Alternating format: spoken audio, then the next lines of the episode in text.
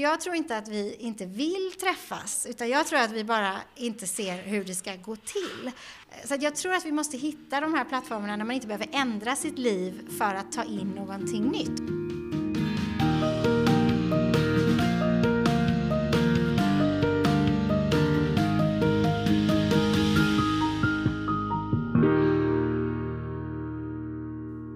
Om du hade haft en dotter istället, skulle hon fått spela fotboll då? Frågar en av kvinnorna runt bordet.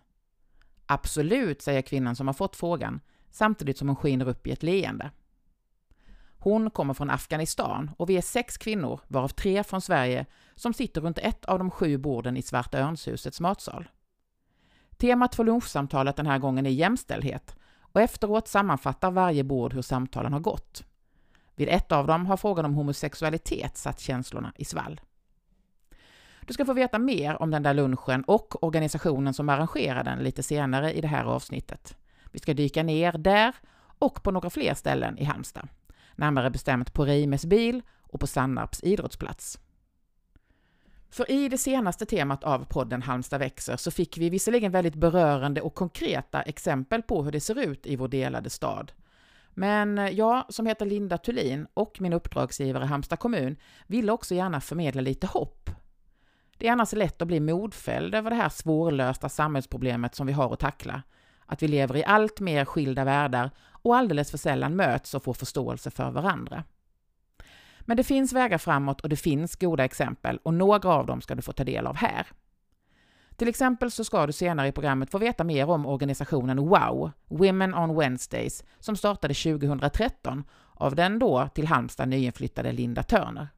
Det första och det som vi har liksom fått höra och hör än idag, det är egentligen att man som ny i Sverige önskar sig två saker. Och det är en svensk vän och ett jobb.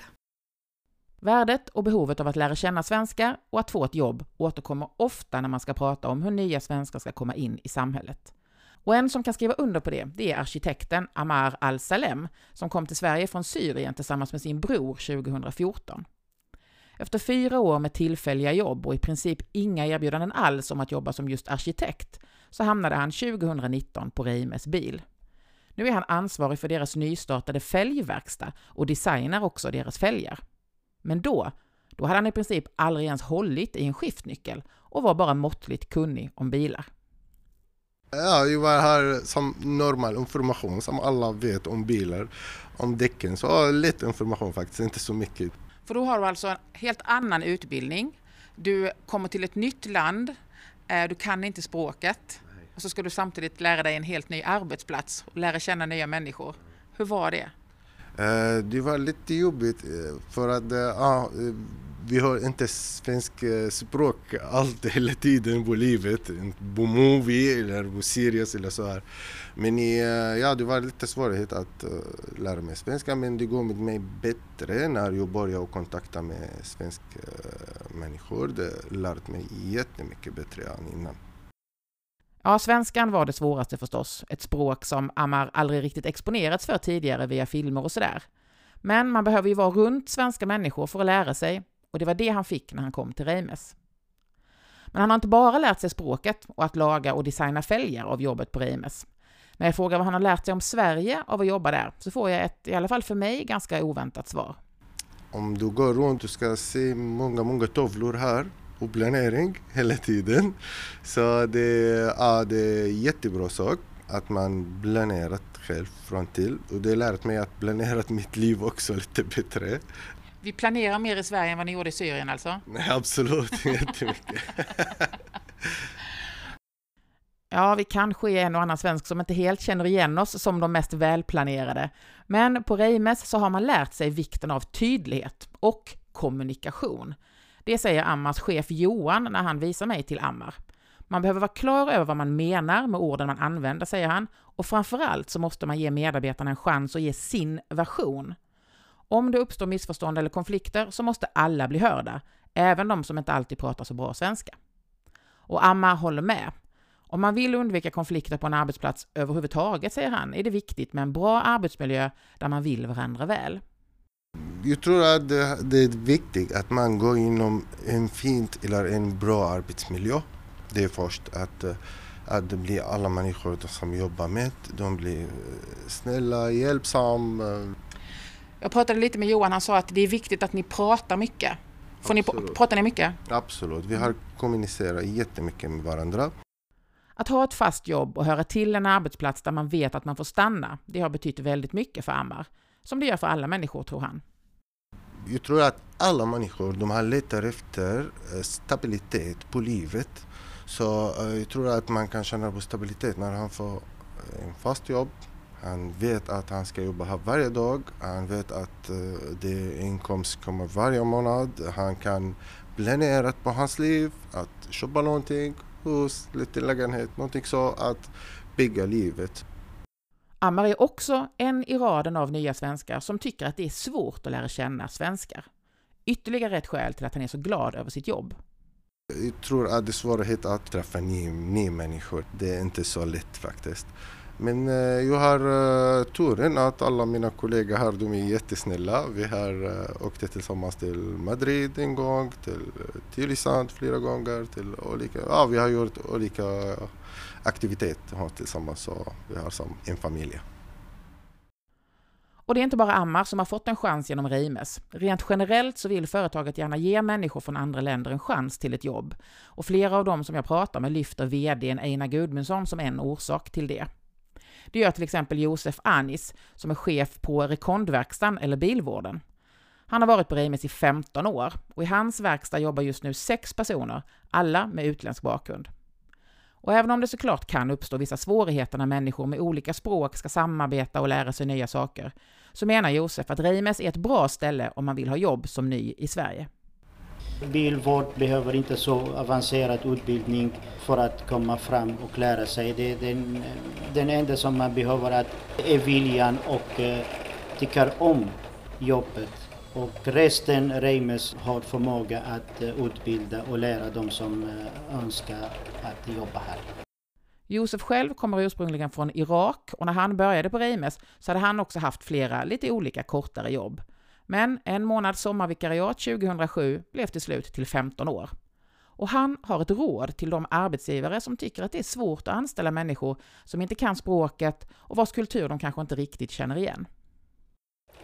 Rådet till arbetsgivarna att bli inte rädda, tveka inte, ge dem en chans och eh, prova, provanställa dem och ge dem den respekt och kärlek som eh, vi har fått här i, i, på Reimers. Och eh, lite tålamod med dem så de kommer att lyckas. För att de, de flesta som kommer hit, de vill leva och de vill jobba och de vill fortsätta att eh, leva här i Sverige. Ja, jobbet är centralt för att olika sorters människor ska mötas och lära känna varandra. Men det finns också andra sammanhang där man skapar gemenskap och förståelse mellan olika världar. Ett av dem är idrottsrörelsen. Bara några hundra meter från Reimes så ligger centrum för många unga idrottsövare i Halmstad, nämligen Sannarps idrottsanläggning. Där, på träningsplan 7, hittar jag Leikins pojkar födda 09 och 10. De är en stor grupp med över 30 killar, även om inte alla är med på alla tre träningar i veckan. Jag har stämt träff med deras tränare Henrik Schmidt som har tränat dem sedan de var i sexårsåldern, lika gammal som han själv var när han började spela i klubben i slutet av 80-talet. IF Laken är kanske den fotbollsklubb i stan som har bredast upptagningsområde. Här spelar barn med bakgrund i flera olika länder och från flera olika delar av stan. En viktig erfarenhet att ha med sig som barn, tror Henrik. Jag tror det är ett stor betydelse för just det här med att skapa kanske en annan typ av empati eller att man, en annan typ av förståelse för att inte en del kanske inte har det lika lätt som jag har haft det. Alltså nu utgår jag ju bara från mig själv då, eh, som kommer från kanske då ett medelklassområde.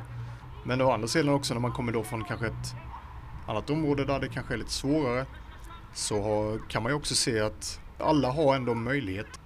När jag själv spelade ju ett lag som sagt med många nationaliteter själv också. Och det har ju snarare liksom leken sett som en styrka. Det är vår plats här också i samhället. Vi brinner ju för detta. Idrottsrörelsens roll när det gäller det som fint kallas för integration och inkludering är ganska välkänd och det finns också ett målmedvetet centralt arbete som sprider sig ut i klubbarna. Jag slår en signal till Peter Gårdestedt som är verksamhetschef över idrott och samhälle på Riksidrottsförbundet i Halland, SISU. Och han berättar att staten ökade anslagen till idrottsrörelsen 2015 eftersom de insåg vilken betydelse idrottsrörelsen har i de här frågorna. Där och då användes de flesta pengarna till mer akut flyktingmottagning. Idrotten blev en bra sysselsättning för många av dem som då kom och gick och väntade på besked. Dessutom, säger Peter Gårdestedt, så hade idrottsrörelsen lite bättre förmåga att agera snabbt, eftersom man där inte behöver ha samma långa beslutsvägar som till exempel kommunerna gör.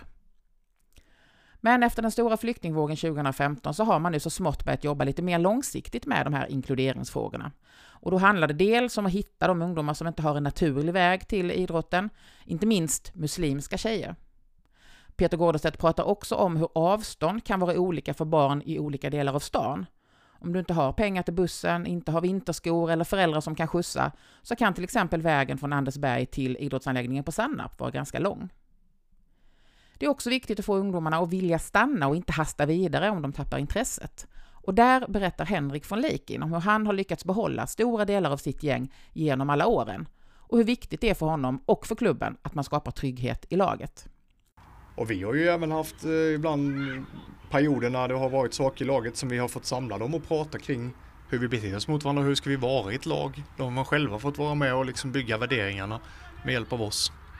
Och det märker man verkligen nu när de är i den här 13-årsåldern att de är ett väldigt bra sammanhållet lag. Även om vi skulle ligga under i match med väldigt många mål eller så, så stöttar de varandra. Peter Gårdestedt berättar också att det är viktigt att utveckla och stötta ledare och föreningar att funka så bra som möjligt i lag där utövarna har en mer blandad bakgrund än vad de kanske hade tidigare.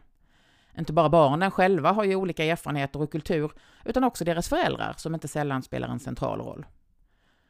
Och är det någonstans Henrik Schmidt märker att killarna i hans lag har en blandad bakgrund så är det just bland föräldrarna. För killarna själva är det inte någon stor grej tycker han, men olikheterna blir tydligare hos de vuxna. För att de har ju ändå kanske flyttat hit till landet när de är vuxna och har en speciell syn. Och det här med det här ideella, det finns ju, det är ju ändå svenskt, ideell förening, alla hjälper till och det här med kanske att eh, ja, sälja sak eller kanske gemensamt gå som trygghetsvandrare för kommunen och så. Det har ju inte alltid varit självklart men det är ju viktigt att man, man har sina föräldramöten och liksom bjuder in dem till en dialog och liksom inkluderar. Att spela i ett lag med kompisar från olika delar av stan handlar förstås inte bara om att möta människor med rötter i andra länder. Livsvillkoren för Halmstadborna är generellt sett väldigt olika beroende på vilken del av stan du kommer ifrån. Men att se och förstå varandras olikheter är viktigt, säger Henrik, som också säger att fotbollen, trots det, eller kanske till och med på grund av det, visar att samarbete är den bästa vägen framåt. Du kan ju som individuell spelare dribbla förbi väldigt många i ett lag och kanske vara jätteduktig och mål. Och så kan det också vara i livet att du kan ju gå en väg själv och lyckas. Eh, men vi vill ju ändå visa med fotbollen att det är ju ändå en lagidrott så att det är ju en fördel att kunna spela till sina lagkamrater och hitta varandra och i olika konstellationer och, och så tänker jag också i livet att man, man samarbetar sig framåt för att lyckas. Och att man behöver varandra och varandras olikheter. Exakt, precis. Ja, olikheter är bra, men givetvis också lite läskigt. Inte minst när vi ska lära känna människor som inte har samma bakgrund som vi själva.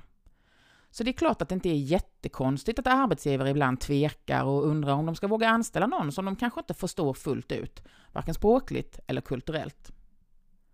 Men om man vågar testa så kan det visa sig bli riktigt bra. Det visar ju berättelserna från Reimes och faktum är att bara ett stenkast därifrån hittar vi ett annat lyckat exempel. För där jobbar 45-åriga trebarnsmamman Ansam Tohy med att göra och sälja lunchmackor på det som är hennes livs första jobb. Hon gick med i organisationen WOW och blev det som kallas för kandidat till svenska Jenny Bench Larsson som kallas agent i den delen av verksamheten som hjälper utländska kvinnor att få ett jobb. Jenny fick via kontakter i nätverket nys om ett jobb som hon trodde skulle passa hennes kandidat Ansam. Han letade efter en parhäst, en person som han kunde liksom eh, ställa i fronten och som kunderna skulle liksom älska. Och eh, då bara fall, föll liksom den här poletten ner. Ja, det är såklart, det finns ju bara en, det är ju Ansam liksom, med det här stora leendet och hon kan mat och hon så att han var modig nog att eh, säga okej, okay, vi testar. Och eh, jag tror inte att Uffe skulle klara sig en, utan Ansam idag faktiskt. Ni är som två parhästar, eller hur? Ja, ja. Vad är det bästa med att ha ett jobb nu då? uh, integration i samhället. Jag känt uh, personalkhet, gruppfrihet och, och uh, kan uh, göra jag olika sorter. Kan jag känna bra, bättre känns. Ansam pratar mycket om tryggheten, samhörigheten och självförtroendet som hon har fått av att ha ett jobb. Språket är fortfarande svårt för henne. Hon förstår mer än hon pratar och hon kan jobbspråket bättre än det som krävs för ett samtal som det som hon och jag har nu. Att jobba och att lära sig språket, det är den enda vägen att komma vidare i sitt liv i Sverige, tycker hon. Och när jag frågar om vad som är svårast här så är det förstås språket, men också att fostra tre barn in i ett land och en kultur som hon själv inte kan. Olikheterna mellan kulturerna kan ibland vara svåra, inte minst för kvinnor, det vet vi. Just Ansam har inte upplevt några direkta problem, men Jenny berättar att man på Wow försöker att hjälpa till för att kvinnorna inte ska hamna i kläm. Vi är ärliga, vi är som en familj lite grann, att vi, vi ställer krav precis som en, ens mamma gör. Eh, och vi, vi är inte alltid uppskattade för att vi är, ganska, vi är ganska raka. Men det är också det som krävs tror jag, att, att man måste förstå att det finns stora skillnader och precis som Ansam säger, ska man integrera sig så måste man också själv utvecklas och förändras. Vi brukar säga håll fast vid dina traditioner och håll fast vid allt det här som är viktigt som man har med sig från sitt hemland. Men anpassa dig efter det som eh, regler och system och hur allt funkar i ditt nya hemland. Då blir det så mycket lättare. Wow grundades som sagt av Linda Törner 2013 och verksamheten har under åren utvecklats till att handla om mycket mer än att bara ses på de där onsdagsluncherna. Idag är man uppemot 600 personer i Halmstad. Verksamheten har smittat av sig till andra städer och man har också helt nyligen ingått partnerskap med Halmstad kommun. De har också insett att det finns bättre sätt att integrera människor än att en enskild svensk yrkesperson ska hjälpa väldigt många på samma gång. Eh, som arbetsförmedlare så kanske du har ansvar för 100 eller till och med mer eh, personer och när du är SFI-lärare så är du den enda som kan svenska flytande och kanske har hand om 20, 30, 35 personer. Det är ett ganska svårt uppdrag att lära någon både ett språk och om en kultur. Eh, så min idé var då att tänk om vi kunde jobba en till en. Så att om man skulle vara, om man då ska hjälpa tio invandrarkvinnor så kanske det är bättre att vara tio svenskar istället för att en då ska hjälpa tio. Eh, så det var min idé, att vi skulle vara eh, 50-50. One Goal kallas jobbverksamheten som alltså hjälpte Ansam att få sitt jobb. Men under åren har man utvecklat verksamheten allt eftersom man har upptäckt nya behov, säger Linda Törner. Onsdagsluncherna har svällt till tre måltider och aktiviteterna är många. Och då har vi då cykelskola, många som inte kan cykla, simskola, många som inte kan simma, eh, vi har gå och tala svenska, eh, sen har vi en bokcirkel för de som, eh, ja, som är lite mer bevandrade i det svenska språket som också är redo att läsa böcker och, och analysera dem. Sen har vi något som heter Empower Mom Eh, där vi fokuserar på kvinnor som är föräldralediga. Eh, vi har ganska många kvinnor som är föräldralediga eh, både en och två och tre och fyra och fem gånger eh, och då är det viktigt för oss att, att möta dem eh, i detta för det blir ganska ensamt när man då går hemma. Ja, kvinnorna som söker sig till WOW, de är ju i grunden nyfikna på andra och vill bidra till att hjälpa andra att finna sig till rätta här. Men alla människor i vårt land resonerar ju inte så. Inte alla uppskattar att samhället och människorna är annorlunda mot vad vi kanske är vana vid. De vill gärna att det mesta ska vara som förr. Vad har Linda Törner för medskick till dem, undrar jag? jag? Jag tänker att man kanske ändå inte vill det egentligen, utan jag tänker att vi alla egentligen vill väl och att vi alla mår bra av att, att hjälpas åt och känna att vi gör skillnad. Eh, så det är väl snarare det att, att man måste göra det väldigt lättillgängligt. För många av våra invandrarkvinnor de säger så här, ja, men jag tror inte att svenskarna vill träffa mig. Att de upplever att de är inte välkomna då i vissa sammanhang. De blir inte bjudna på barnkalas och de blir inte bjudna på, på ditten eller datten. Men då brukar jag tänka att jag, det är inte det att vi inte vill träffa dem, det är bara det att vi upplever att vi inte har så att säga tid. För i vårt schema så är det ofta väldigt så här tajt. Man går, först lämnar man barnen och så går man till jobbet och sen så ska man kanske träffa mormor eller farmor och så ska man träna och sen är liksom dagen slut. Så jag tror inte att vi inte vill träffas utan jag tror att vi bara inte ser hur det ska gå till.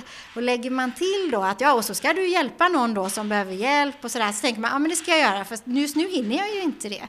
Och då är till exempel vår wow-lunch ett enkelt sätt. Då. Men jag kanske kan gå på lunch liksom två gånger per år, två timmar. Så jag tror att vi måste hitta de här plattformarna när man inte behöver ändra sitt liv för att ta in någonting nytt. Och det tror jag att väldigt få människor egentligen inte är öppna för. Men varför väljer då människor att engagera sig frivilligt och ideellt i att göra ett jobb som man skulle kunna tycka är samhällets ansvar? Och så här förklarar Jenny det. Det är inte så himla svårt när man tycker om någon. Och jag tror att det, ja, Ansam nickar, det är liksom där det börjar på något sätt att man, vi bor i Sverige alla, vi är här och Ansam och Ansams familj är här och de kommer att vara kvar här. Så att eh, det enda och det rätta vi kan göra det är liksom att hjälpas åt helt enkelt, för vi, eh, vi bor här alla tillsammans. Mycket är ju liksom någon har varit där och haft en fantastisk upplevelse. För att det sker något magiskt. Det låter lite flummigt kanske men, men det är väldigt häftigt att, eh, att faktiskt se att vi är alla precis likadana oavsett om vi kommer från Irak eller Libanon eller Syrien eller, eller Somalia eller vad vi är. Det, det är bara att vi har olika bakgrund men vi är fortfarande kvinnor allihopa. Jenny Bench Larsson, en av flera hundra Halmstadkvinnor som alltså engagerat sig i organisationen WOW för att hjälpa kvinnor från andra länder att komma in i samhället. Hon var också ett av flera exempel i det här programmet som var ett slags uppföljning efter berättelserna från det delade Halmstad. Där fick vi ju en del dystra beskrivningar av hur uppdelad vår stad är, men kanske har det här programmet gett lite inspiration till att även i det lilla lyfta blicken utanför det vi är trygga med och vilja veta lite mer om hur andra Halmstadbor har det i sina liv. Om du missade berättelserna från det delade Halmstad så finns de på samma ställe som du hittade det här programmet. Halmstad växer görs på uppdrag av Halmstad kommun. Redaktörer har varit Lotta Edin och Karin Back. Och jag heter Linda Thulin. Hej då!